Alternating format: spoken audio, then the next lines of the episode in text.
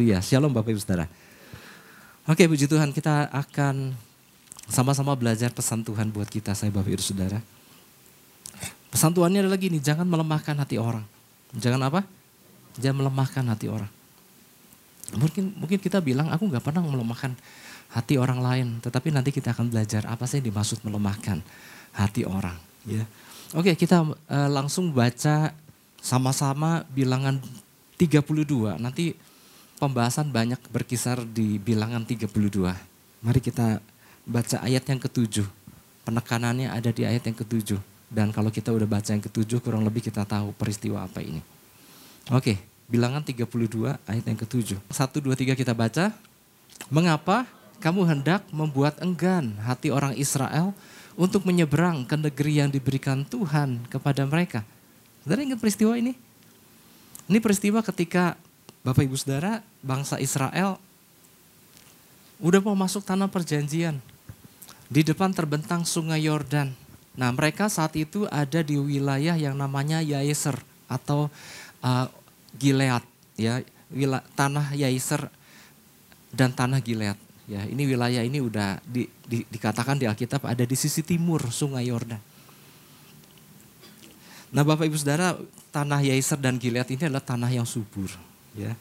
Ini baik sekali untuk peternakan dan ini baik sekali untuk ditinggali betul ya sebetulnya. Maka ada dua suku dari suku 12 suku Israel, suku Gad dan suku Ruben. Nah suku Gad dan suku Ruben melihat tanah Yaiser uh, dan Gilead ini, wow ini ini ini baik banget tanahnya. Ini subur, ini cocok nih buat kita tinggal rumputnya subur, ternak kita kan banyak. Waduh, kayaknya cocok banget deh gitu ya. Maka mereka apa yang mereka uh, lakukan? Mereka dua suku ini datang menghadap Musa. Musa, kelihatannya tanah ini cocok nih buat kami. Uh, gimana kalau kami putuskan untuk kami tinggal di sini aja deh. Keluarga kami banyak, ternak kami banyak, tanahnya subur. Udah biarkan kami tinggal di sini ya. Mereka meminta izin Musa untuk tinggal dan gak usah masuk tanah perjanjian. Nah tentu saja apa yang dilakukan permintaan yang diajukan oleh suku dua suku ini kan suku Gad dan suku Ruben ini kan membuat membuat Musa kan gusar. Eh kalian pikir kalian untuk apa berjalan 40 tahun itu dari keluar dari Mesir kalian pikir mau ngapain? Tuhan membawa kita untuk masuk ke tanah perjanjian. Memang tanah Yaiser dan Gilead ini udah dekat sekali dengan tanah perjanjian, tapi ini belum tanah perjanjian. Dan di situ Musa uh, mengingatkan uh, kedua suku ini, apa yang kamu lakukan ini bisa membuat enggan. Nah saudara nangkapnya judul, judul pesannya jangan melemahkan hati orang. Apa yang kalian lakukan ini, keputusan yang kalian lakukan ini bisa membuat enggan hati bangsa Israel lainnya. Kalau kalian memutuskan untuk tinggal di sini karena alasan subur, nanti yang lain akan ikut-ikutan kalian di sini. Nah, ingat nggak? Perbuatan yang kalian mau lakukan ini, ini kan udah udah mendekati tahun ke-40 kan perjalanan mereka kan. Ingat nggak dulu di awal 4 tahun di awal tahun awal perjalanan mereka kan pernah ada peristiwa yang seperti ini kan. Ingat nggak Ketika 12 pengintai pulang, yang 10 kan membuat enggan hati orang Israel. Karena mendengar kabar 10 pengintai bahwa negeri yang akan dimasuki adalah negeri yang ada raksasanya. Dan mereka adalah bagaikan belalang. Bagaimana kalau nanti masuk mereka akan dimakan oleh raksasa itu. Dan laporan 10 pengintai akan membuat enggan. Jadi di bilangan 32 ini Musa mengingatkan kembali ada dua peristiwa. Peristiwa yang pertama ini, 10 pengintai tadi. Ini membuat enggan hati bangsa Israel. Dan terbukti seluruh bangsa Israel ikut perkataan 10 pengintai mereka enggan untuk masuk ke tanah perjanjian. Sehingga itulah sebabnya perjalanan yang seharusnya singkat menjadi 40 tahun karena apa? Nunggu seluruh angkatan yang memberontak kepada Tuhan ini mati di padang gurun. Nah sekarang udah sampai mendekati tanah perjanjian, lah kalian mau mengulang lagi. Nggak mikir gitu kurang lebih kalau bahasa sehari-hari Musa mungkin sempat berkata kepada kedua suku itu nggak mikir. Pernah ada kejadian seperti ini ya. Jadi tapi Musa hanya bisa menasehatkan saja. Kenapa? Karena pilihan ada di tangan mereka. Mereka berkeras hati untuk tetap tinggal di sana, di tanah Gilead dan Yeser itu. Mereka lupa untuk tujuan apa Tuhan membawa mereka keluar dari Mesir. Mereka lupa. Tujuan Tuhan membawa mereka masuk keluar dari Mesir adalah untuk membawa mereka masuk. Untuk membawa mereka apa? Masuk ke tanah perjanjian. Bukan untuk membawa mereka hampir masuk. Perihal perkara membawa bangsa Israel keluar dari Mesir masuk ke tanah perjanjian, itu adalah visi Tuhan. Itu tujuan Tuhan, bukan visi Musa. Musa hanya pelaksana visi. Itulah sebabnya Musa membawa bangsa Israel. Yuk kita harus masuk seperti yang Tuhan kehendaki. Tuhan kasih kita visi. Tangkap itu visi. Masuk ke tanah perjanjian. Nah Bapak Ibu Saudara, ternyata gini. Membuat enggan hati orang lain. Akibat keputusan yang dilakukan oleh suku Gad dan Ruben ini. Tanpa disadari telah membawa ini ini belum belum belum melanjutkan perjalanan ya masih masih di masih di masa itu. Membuat ada suku lain yang ikutan. Oh kalau gitu kamu ikut Gad dan Ruben aja. Kami juga mau tinggal di sini. Siapa suku itu? Suku Manasye. Makanya yang nggak masuk ke tanah perjanjian itu dua setengah suku. Nah suku Manasye adalah suku yang besar Suku yang besar dan kuat. Suku Manasye ini sebetulnya gini, nama Manasye itu sebetulnya anak Yusuf. Jadi sebetulnya kalau dari 12 suku, sebetulnya harusnya suku yang bernama, ada suku yang harusnya bernama Yusuf. Tapi karena dua anak Yusuf ini kuat, Efraim dan Manasye, maka sampai ini ini sebenarnya kan anak anaknya sebenarnya kan eh, anak Yusuf ini kan sebenarnya cucu suku ya.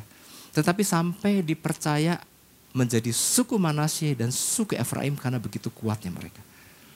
Dan Manasye yang salah satu suku keturunan Yusuf yang kuat ini sampai harus terbelah gara-gara ada dua suku yang membuat enggan hati orang lain untuk memasuki tanah perjanjian. Jadi dua setengah suku tinggal di Yeser dan Gilead. Sembilan setengah suku termasuk setengah suku Manasye ber, tetap bergabung dengan rombongan utama masuk tanah perjanjian. Wow, sampai membuat satu suku yang kuat pun terbelah. Ya. Artinya gini, ada daya tarik dari hal membuat enggan orang lain. Ada daya tarik yang kuat perihal membuat enggan hati orang lain.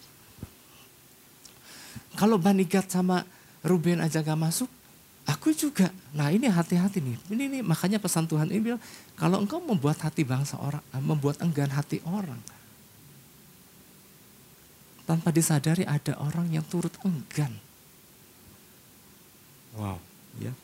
Nah Bapak Ibu Saudara, di dalam bahasa aslinya, kata membuat enggan itu adalah no atau nu. N-O-O. Artinya adalah discourage. Artinya dari discourage saja, discourage itu adalah membuat lemah. Membuat seseorang kehilangan semangat dalam melakukan sesuatu atau mencapai sesuatu. Discourage. Ya. Akar kata discourage kita tahu adalah courage. Courage adalah apa? Keberanian. Makna Alkitabiah daripada courage adalah adalah gini, kemampuan untuk menghadapi ketidakpastian, diperlukan courage, diperlukan keberanian. Ya, jadi kata makna Alkitabiah daripada kata courage ini adalah ke, ke, kemampuan untuk menghadapi ketidakpastian, kemampuan untuk menghadapi musuh, kemampuan untuk menghadapi penderitaan, kemampuan untuk men, me, penantian akan penggenapan janji Tuhan yang mungkin belum terjadi. Tapi karena punya courage, kita orang itu maka memiliki kemampuan untuk menanggung dan menghadapinya dan menyelesaikannya. Wow, ini luar biasa kalau kata karis. Tetapi kata karis yang luar biasa ini kalau dikasih dis diawali oleh awalan dis menjadi discourage, ini menjadi sebuah kata yang lemah. Sudah tahu kan? Kita tahu kan? Kata dis itu itu artinya uh, artinya defisit. Ya kan? Diskualifikasi artinya engkau nggak masuk kualifikasi. Diskoneksi artinya terjadi ke kegagalan hubungan, diskoneksi. Disabilitas Abilitas adalah kemampuan menjadi ketidakmampuan. Discourage artinya menjadi kata sebuah kata yang lemah. Defisit. Discourage adalah deficit of courage. Ke, ke, ke, kehilangan keberanian. Menjadi orang menjadi takut, menjadi enggan, menjadi malas hati. Wow. Jadi kehilangan keberanian yang tadinya semangat jadi enggan hati. Yang tadinya semangat jadi kehilangan semangat. Yang tadinya gairah jadi kehilangan gairah. Nah kalau saya mau tanya siapa pakar daripada discourage ini? Iblis. Memang kerjaannya begitu. Bikin orang menjadi enggan hati kan discourage. Orang yang tadinya semangat kan dibisiki, udahlah ngapain lu rajin-rajin kayak begini lu dapat apa? Tiba-tiba iya ya benar juga itu kan kerjaannya iblis kan. Ya. Jadi apabila ada orang percaya yang disadari atau tidak disadari, telah membuat orang lain percaya lainnya mengalami discouragement atau menjadi enggan hatinya, yang senang siapa? Ya iblis. Akhirnya menjadi kaki tangannya tanpa disadari. Karena orang percaya kalau ditanya mau jadi kaki tangannya iblis, enggak mau. Tapi akibat langkah-langkah yang tidak tepat, Iblis senang. Ah, bagus kau. Nah ini jadi pesan Tuhan buat kita, buat saya Bapak Ibu Saudara. Tuhan mau kita menjadi orang percaya yang senantiasa memberikan semangat dan memberikan inspirasi kepada banyak orang dan bukan sebaliknya. Tuhan gak mau kita menjadi orang percaya yang menyurutkan semangat orang lain. Siapa yang dimaksud dengan orang lain? Ini bisa siapa saja. Bisa anggota keluarga, bisa pasangan, bisa teman, bisa bawahan, bisa atasan, bisa siapa aja. Menyurutkan semangat orang lain. Ya. Ya, yang dimaksud dengan menyurutkan semangat atau membuat enggan itu bukan sekedar ucapan kata-kata yang melemahkan, tapi lewat keputusan-keputusan, lewat sikap yang kita ambil tanpa disadari, ternyata keputusan-keputusan itu membuat orang menjadi enggan hatinya. Seperti yang yang yang dilakukan oleh Bani Gad dan Bani Ruben mereka kan sebetulnya gini kan, mereka nggak ada niat untuk membuat enggan hati orang lain kan. Bani Gad dan Bani Ruben nggak ada niat untuk melemahkan hati bangsa Israel. Mereka cuma lihat gini, nah tanah ini subur, rumputnya banyak.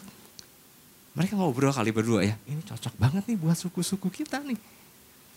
Tujuannya hanya tentang itu. Mereka lupa visi Tuhan. Karena dua-dua saling saling menyemangati nih. Oh iya kalau gitu kita udah nanti kita datang sama Musa aja. Kita minta untuk kita tinggal di sini. Ternyata perkataan mereka, keputusan mereka telah membuat orang lain turut enggan untuk memasuki tanah perjanjian. Ada setengah suku Manasye yang besar. Ini setengah suku Manasye aja udah lebih besar dari mereka. Nanti di bagian dalam saya jelaskan sebesar apa suku Manasye. Jadi artinya gini, mungkin gak ada niatan hati untuk melemahkan hati orang. Tapi karena keputusannya adalah keputusan pribadi, keputusan daging punya. Ini yang membuat orang lain jadi enggan hati. Ya, hati-hati artinya dengan keputusan-keputusan yang kita ambil. Ya.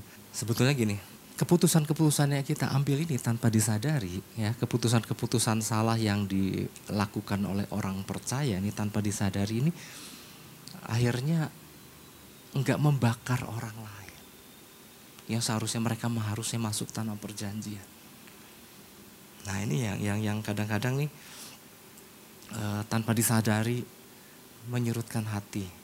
Ya sering kali gini bapak ibu saudara kita nggak menyadari sebagai orang percaya nih pribadi lepas pribadi sering kali kita nggak menyadari bahwa keberadaan kita itu diperhatikan. Katakan amin. Nah itu aja udah nggak yakin kan? Keberadaan kita itu diperhatikan. Minimal keberadaan kita itu diperhatikan oleh orang terdekat kita. Katakan amin. Nah gitu atuh. Kita harus yakin bahwa keberadaan kita ini diperhatikan. Bukan so GR ya, bukan so terkenal, bukan so gimana ya. Enggak, keberadaan kita, keberadaan saya di keluarga itu sangat diperhatikan. Keberadaan saya di sini sangat diperhatikan. Sama keberadaan Bapak Ibu Saudara di komunitas Anda, Bapak Ibu Saudara sangat diperhatikan. Bukan cuma karena kita punya posisi di, di, di, di, di komunitas. Ya betul, ada kepala keluarga, ada kepala rumah tangga, ada kepala departemen, ada kepala kelompok, kepala sel, dan segala macam kepala. Tetapi artinya gini, secara pribadi Tuhan anggap kita adalah pemimpin-pemimpin. Katakan amin. Tuhan bawa kita makin naik bukan turun menjadi kepala dan bukan menjadi ekor. Jadi setiap kita adalah kepala. Pemimpin, definisi pemimpin adalah orang yang memberikan pengaruh. Apa definisi definisi daripada leadership? Uh, John Maxwell mengatakan definisi daripada leadership simple, influence, pengaruh. Nah jadi keberadaan kita ini, baik kita membawa diri kita sendiri, ini kita membawa pengaruh nih, sedang membawa pengaruh. Coba pengaruhnya apa nih? Membuat orang tersulut, terbakar untuk bernyala-nyala iring Tuhan atau membuat orang enggan hati. Itu tergantung dari apa? Keputusan-keputusan yang kita ambil. Bukan semata-mata kata-kata yang lemah ya, betul kata-kata yang lemah itu bisa membuat orang menjadi surut. Oke, kalau begitu apa harus kita miliki? agar tidak menjadi orang percaya yang membuat enggan hati orang. Yang pertama adalah jadilah orang percaya yang memiliki self motivation. Yang mampu memotivasi diri sendiri. Jadilah orang percaya yang memiliki self motivation. Jadi seorang yang punya self motivation atau self motivated person adalah orang yang tidak perlu didorong-dorong.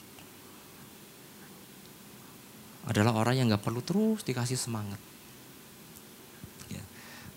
jadi gini, jangankan kita memotivasi orang lain.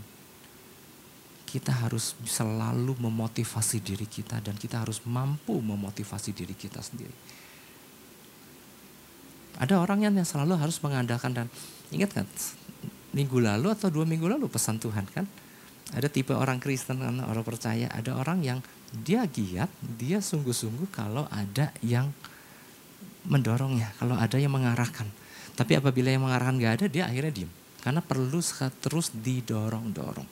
Nah, beda dengan yang namanya self-motivated person. Ini orang gak perlu didorong-dorong. Dia bisa mendorong dirinya sendiri. Eh, kamu tahu gak tujuan Tuhan kamu? Tujuan Tuhan panggil kamu. Nah, ini keren nih. Oh, aku ingat. Aku tahu. Nah, orang yang sadar akan untuk apa Tuhan panggil dia? Untuk apa Tuhan selamatkan dia? Untuk apa Tuhan kasih visi sama dia? Untuk dia lakukan, dia hidupi itu. Dan orang yang ngerti ini, ini nggak adalah orang yang nggak perlu didorong-dorong lagi. Dia udah, bisa memotivasi dirinya sendiri, self motivated person. Ya. Ingat jalan yang kita lalui di dalam pengiringan Tuhan kan nggak selalu jalan rata dan mulus kan. Bisa menurun, bisa terjal, bisa berbatu-batu, bisa berkelok-kelok. Dan waktu kita mungkin melewati jalan-jalan yang nggak mudah. Kemampuan untuk memotivasi diri sendiri itu sangat penting. Kita nggak perlu selalu harus menunggu orang lain mendorong kita, memotivasi kita. Mungkin kita di komunitas kita bisa dalam keadaan beramai-ramai, tetapi kan kita nggak selalu beramai-ramai. Ada kala kita sedang sendiri, sedang berjalan sendiri. Mau siapa yang memotivasi kita? Kecuali diri kita sendiri, ya. Oke, kita buka bilangan 32 ayat 11 12. Sampai Musa kan mengingatkan suku Gad dan Ruben. Ingat loh. Dulu pernah terjadi kan perkara yang sekalian sedang ajukan ini membuat enggan hati banyak orang. Nah, di sini ayat 11 bahwasanya orang-orang yang telah berjalan dari Mesir yang berumur 20 tahun ke atas tidak akan melihat negeri yang kujanjikan dengan bersumpah kepada Abraham, Ishak dan Yakub. Oleh karena mereka tidak mengikut aku dengan sepenuh hatinya. Ayat 12 kecuali siapa? Kaleb bin Yefune orang Kenas itu dan Joshua bin Nun sebab keduanya mengikut Tuhan dengan sepenuh hatinya Kalau di dalam terjemahan Amplified, sebab keduanya, they follow the Lord completely. They follow the Lord wholeheartedly. Mereka iring Tuhan secara penuh, secara komplit. Mereka iring Tuhan dengan segenap hati mereka. Orang yang mengiring Tuhan completely seperti Joshua dan Caleb ini adalah orang percaya yang gak usah lagi didorong-dorong. Ya. Ia tahu bahwa ia harus menyelesaikan seluruh rangkaian perjalanan iring Tuhan sampai masuk tanah perjanjian, sampai ke tujuan akhir. Joshua dan Caleb tahu bahwa mereka keluar dari Mesir karena apa? Janji Tuhan yang yang Tuhan janji akan membawa mereka masuk ke dalam tanah perjanjian. Jadi gini Bapak Ibu Saudara, dia sadar banget, mereka sadar banget. Untuk apa mereka keluar dari Mesir? Karena mereka tahu Tuhan suruh mereka masuk tanah perjanjian. Jadi apa pun yang terjadi di sepanjang perjalanan, perjalanan mudah nggak? Perjalanan nggak mudah, apalagi lama, 40 tahun. Ini 40 tahun gara-gara kan kejadiannya ada orang-orang yang enggan hati kan. Yang Tuhan bilang mereka nggak akan masuk tanah perjanjian. Udah jalan nggak mudah, udah jalanan panjang, masuk pun mereka sudah mendengar bahwa ada orang-orang enak suku-suku raksasa itu yang ditakuti oleh 10 pengintai kan. Tetapi gini, karena mereka tahu tujuannya, karena mereka tahu, karena mereka menangkap Tuhan yang suruh mereka masuk. Ada visi Tuhan. Maka apa pun yang terjadi, ayo kita masuk. Ini dikatakan, they follow the Lord completely. Orang yang lain jiwanya, ya sering kali kita dengar itu. Jadi di hati mereka sudah terpatri bahwa ada visi Tuhan di mana Tuhan janji akan membawa mereka masuk tanah perjanjian titik. Mereka tahu itu dan itu udah terpatri. Kita pasti masuk karena Tuhan suruh kita masuk. Orang-orang seperti ini yang dikatakan yang tadi kan lain jiwa yang ada padanya. Orang yang paham untuk tujuan apa Tuhan panggil mereka. Wow, ini ini luar biasa, ini keren. Orang percaya model gini keren Bapak Ibu Saudara. Nah,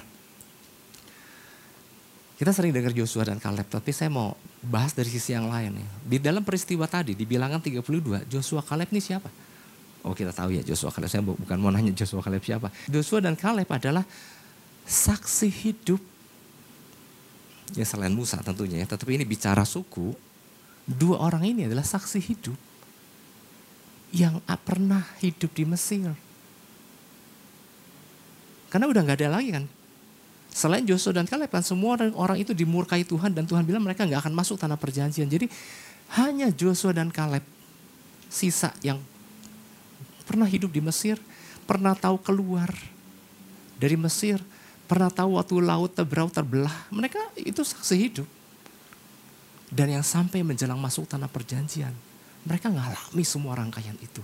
Nah, suku Gad dan Ruben ini angkatan baru karena suku Ben, suku Ben, suku Gad dan Ruben, angkatan lama kan udah musnah semua, udah mati di padang. Ini perjalanan kan udah udah udah udah hampir 40 tahun kan. Jadi mereka semua udah tewas di padang gurun angkatan lama, kecuali Joshua dan Kaleb. Nah angkatan yang baru ini adalah angkatan kalau kita baca kitab ulangan adalah orang yang baru di ya orang-orang yang baru ngalami pembaruan perjanjian dengan Tuhan, janji setia sama Tuhan bahwa mereka akan setia iring Tuhan dan mereka akan tunduk pada hukum-hukum Tuhan. Ini orang yang masih fresh banget dibarui perjanjiannya. Tapi secepat itu pula angkatan baru ini lupa. Eh ini tanah ini subur. Luas. Cocok nih buat suku kita. Hanya karena perkara jasmani. Hanya perkara tergiur, karena tergoda. Karena ada temptation. ya Ada rasa ketergodaan untuk eh boleh juga nih tinggal di sini. Bayangkan orang yang baru di yang baru saja melakukan pembaruan perjanjian. Artinya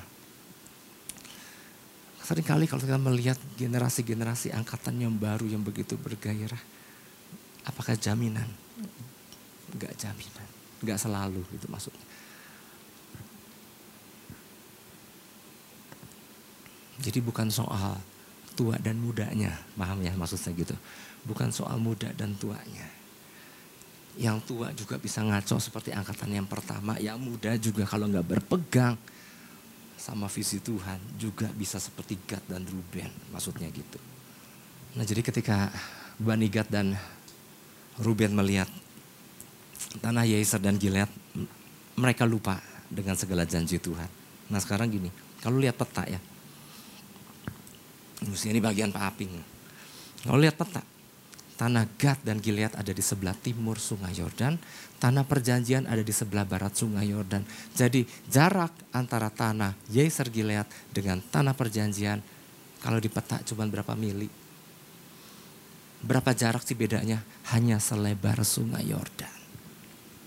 Kalau sungai Yordan waktu itu lebarnya 20 meter, jarak mereka untuk masuk tanah perjanjian tinggal 20 meter.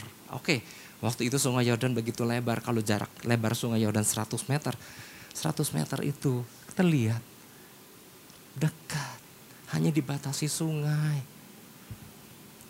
Tapi mereka memutuskan untuk tinggal di situ. Udah tinggal selangkah lagi istilahnya. Bicara soal jarak, udah tinggal selangkah lagi. Tapi bicara soal temptation, tergoda, hati yang tergoda motivasi orang bisa berubah tiba-tiba. Makanya kalau nggak mata terus tertuju sama Tuhan, orang itu gampang tergoda. Gampang apa? Ada perkataan menarik yang diucapkan oleh seorang hamba Tuhan namanya Rick Warren. Di dalam satu tulisannya Rick Warren tentang self motivation di dalam mengiring Tuhan. Ya, ini menarik nih.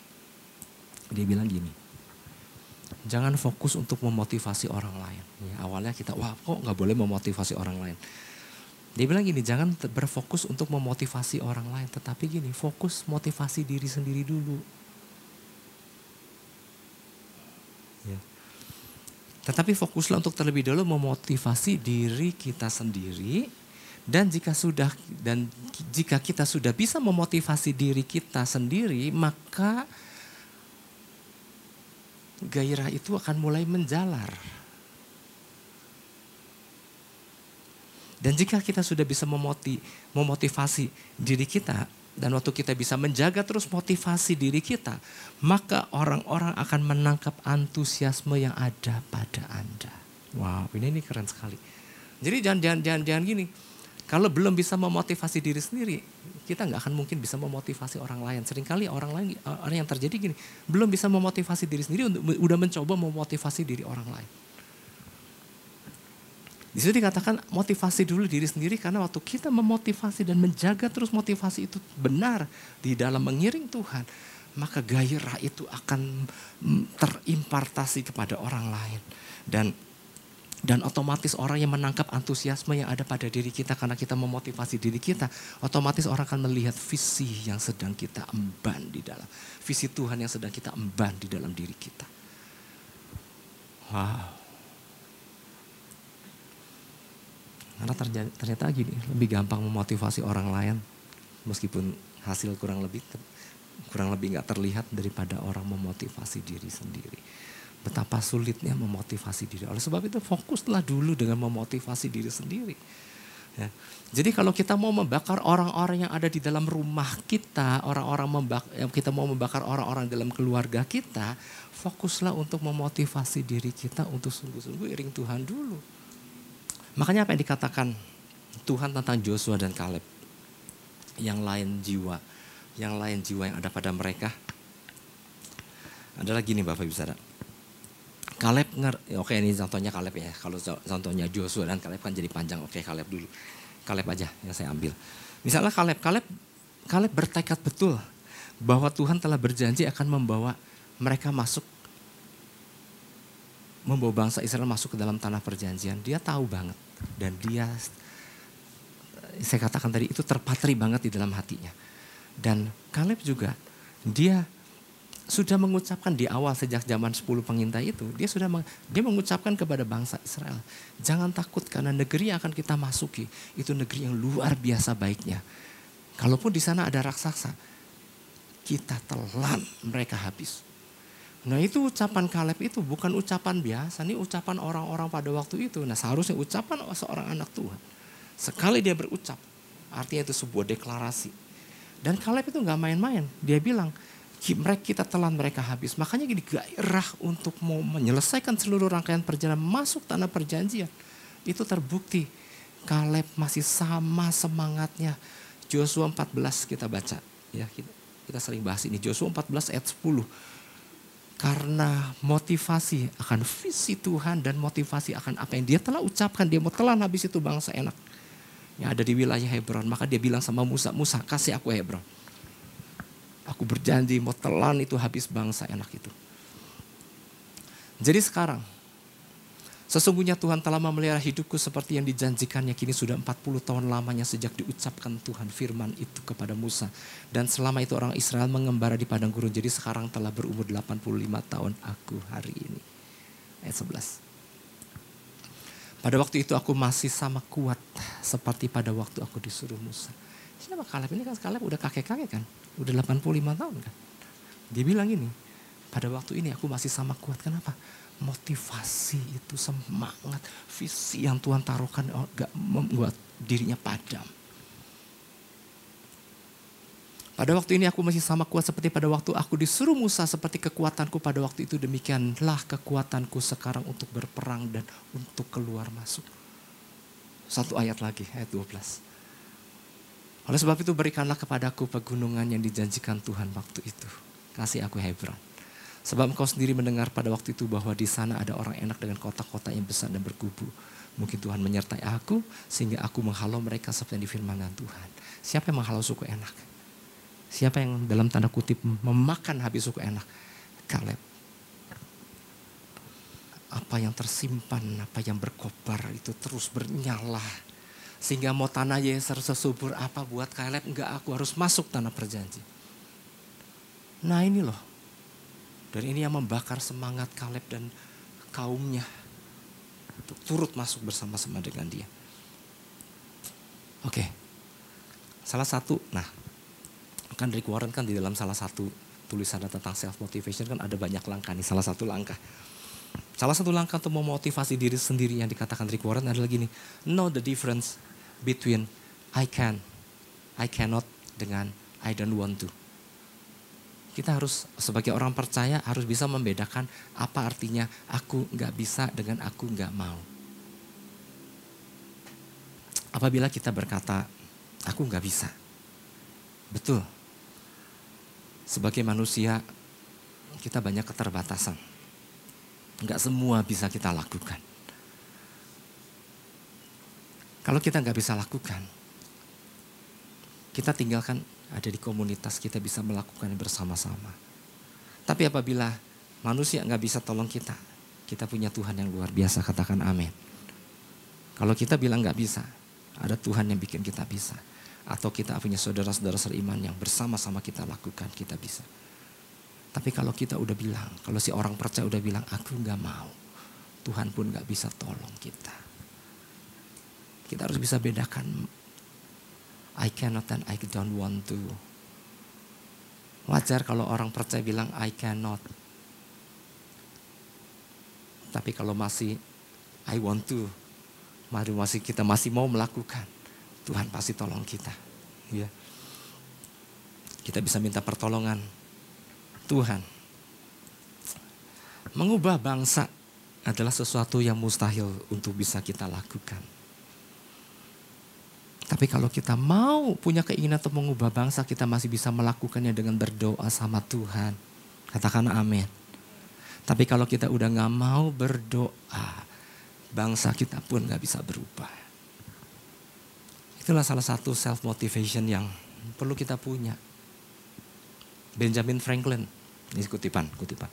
Benjamin Franklin seorang ya salah satu mantan presiden Amerika, seorang anak Tuhan dia bilang begini, orang percaya yang berhasil adalah mereka yang telah membangun kebiasaan untuk melakukan hal-hal yang orang percaya pecundang yang mereka udah nggak mau lakukan.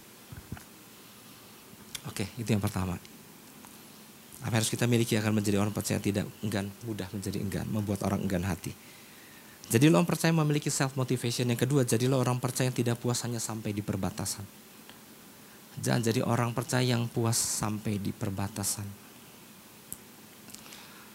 Bilangan 32 ayat 5 sampai 6. Lagi kata mereka, jika kami mendapat kasihmu, biarlah negeri ini diberikan kepada hamba-hamba ini sebagai milik. Janganlah kami harus pindah ke seberang sungai Yordan. Ini kan permintaan suku Gad dan Ruben kan. ayat 6. Jawab Musa kepada Bani Ruben, Gad dan Ruben itu, masakan saudara-saudaramu pergi berperang dan kamu tinggal di sini. Bapak Ibu Saudara ada sebuah joke di dunia penerbangan. Ada satu julukan yang diberikan kepada salah satu maskapai penerbangan di Indonesia, tapi saya nggak sebut namanya nanti dituntut. Julukan ini adalah maskapai penerbangan ini adalah, mas, adalah maskapai kurang satu meter. Kalau nggak waktu mendarat dia kurang satu meter sebelum landasan, kadang-kadang kalau dia muter keluar dari landasan satu meter sering kejeblos. Makanya disebut maskapai kurang satu meter atau lebih satu meter. Ya. Jadi ini mengingatkan kita kepada keputusan suku Gad dan Ruben. Kan jaraknya udah tinggal satu meter istilahnya kan. Aduh udah kelihatan udah nyebrang. Nyebrang nyampe tanah perjanjian. Aduh tinggal, tinggal sedikit lagi. Ya. Nah suku Ruben dan Gad ini mengatakan bahwa mereka punya jumlah ternak Musa, jumlah ternak kami kan banyak, kaum kami banyak, tempat ini subur, rumputnya banyak, udahlah kami tinggal di sini. Bapak Ibu Saudara, ternyata gini, dari 12 suku, suku Ruben itu hanya aja hanya ada di urutan 9 terbesar. Bukan yang paling besar. Mereka bilang kan kaum kami banyak, ternak kami banyak. Mereka cuma ada di urutan 9. Ruben, Gad, 10 terbesar. Enggak besar-besar amat ini suku, dua suku ini. Ini menurut survei ulangan 26 ya, kan ada dilakukan survei. Bukan survei, dilakukan sensus pendataan kembali kan, akan berapa banyak suku-suku. Tetapi dua suku yang gak terlalu besar ini, boleh dibilang kan suku kecil kan, ada di urutan 9, 10 dari 12 suku tapi telah berhasil membawa suku Manasye, suku keenam terbesar, untuk enggan menyeberang sungai Yordan. Ini yang dikatakan membuat enggan hati banyak orang. Jadi perbuatan Ruben dan Gad dan setengah suku Manasye untuk diam di luar perjanjian kan, di luar tanah perjanjian kan sebetulnya udah diperingati Musa, ya. Ngapain? Contoh udah ada dan lain ya, saya tadi udah jelaskan. Akhirnya mereka kan deal-dealan. Udahlah Musa, gini deh, kami kaum lelaki yang masih produktif, kami kami ikut nyebrang, kami ikut perang. Sampai suku lain dapat wilayah, udah gitu kami pulang. Tetap ke ke pengen pulang ke Jaiser dan Gilead. Ya udah, terserah. Kalau kita baca di Alkitab, nggak pernah lagi ada cerita tuh tentang 12 setengah suku yang enggan menyeberang dan tetap diam di luar tanah perjanjian. Nggak pernah ada cerita nama mereka nggak pernah disebut-sebut lagi. Dan bahkan nggak lama kemudian wilayah itu kan udah wilayah bangsa lain. Nggak pada cerita tentang dua setengah suku ini. Bahkan kalau kita masih ingat untuk apa Yesus ke Gadara kan, ingat kan? Karena Yesus mau bertemu dengan seorang yang dirasuk setan di Gadara. Kita tahu cerita itu. Inilah sisa-sisa kaum Gad. Yang udah jadi bangsa yang gak kenal Tuhan. Udah jadi bangsa kafir. Gak pada cerita hebat tentang dua setengah suku ini. Mereka hilang begitu aja. Mereka tinggal di wilayah penyembahan berhala. Mereka adalah orang-orang yang harus diselamatkan. Dan kalaupun ketemu ada orang yang dirasuk setan. Saudara bayangkan, menyedihkan nggak? Tragis nggak? Orang-orang yang awalnya nggak nangkep tujuan Tuhan, udah gini aja enak. Mereka telah membuat enggan hati seluruh kaumnya, membuat setengah suku manusia ikut dan akhirnya semua nggak ada yang jadi apa-apa. Bahkan mereka adalah orang-orang yang suatu hari harus dilayani. Semua itu diawali dengan kata hampir. Mereka cukup puas dengan hampir masuk ke tanah perjanjian. Ya. Hampir menginjakan kaki di tanah yang dijanjikan Tuhan. Semua diawali dengan kata hampir. Ingat Tuhan membebaskan mereka dari Mesir untuk membawa mereka masuk ke tanah perjanjian bukan hampir masuk ke tanah perjanjian. Nah ini yang kita perlu teliti. Kalau Tuhan kasih visi, tanggap itu visi, hidupi itu visi, bukan hampir dihidupi. Suku Ben dan Gad dan setengah suku Manasye mereka hampir menghidupi visi Tuhan karena mereka hampir masuk menginjakan kaki di tanah perjanjian. Oleh sebab itu hati-hati dan jangan puas dengan kata hampir. Karena hampir mencapai garis akhir di dalam sebuah pertandingan artinya belum mencapai garis akhir. Sedangkan di dalam perjanjian baru 1 Korintus 9 ayat 24 Tuhan melalui Rasul Paulus pernah berkata bilang begini tidak tahukah kamu bahwa dalam gelanggang pertandingan semua peserta turut berlari. Tapi bahwa hanya satu orang saja mendapat hadiah karena itu. Nah ini nih. Karena itu larilah begitu rupa. Larilah begitu rupa. Sehingga kamu apa? Hampir me Sehingga kamu hampir, nggak ada hampir ya. Sehingga kamu memperolehnya. Bukan hampir memperolehnya. Tuhan mau kita sampai ke tujuan akhir, bukan hampir. Ya hampir bertekun. Artinya apa? Belum bertekun, hampir. Aduh, ayo bertekun. Hampir penuh Roh Kudus. Artinya apa? Belum, hampir. Ya. Nah orang-orang yang hampir sering kali membuat enggan hati banyak orang. Dan ingat, orang-orang yang hampir ini sering kali adalah orang yang suka uh, mengecam orang-orang yang suka ragu sama visi yang Tuhan berikan. Orang-orang yang nggak percaya akan otoritas. Karena orang-orang itu adalah orang-orang yang hampir tunduk, hampir taat. Oleh sebab itu mari Bapak Ibu Saudara, kita nggak panjang lebarkan. Kita belajar dari suku Gad dan Ruben ini dan setengah suku Manase yang ke bawah mereka. Karena ini diawali dengan apa? nggak nangkep apa yang Tuhan kehendaki dalam hidup mereka, nggak nangkep visi Tuhan. Tapi biarlah kita terus tangkap visi Tuhan, biarlah kita uh, bernyala-nyala di dalam Tuhan. Katakan amin. Ya ampun, katakan amin. Nah gitu atau beri tepuk tangan buat Tuhan Yesus. Haleluya.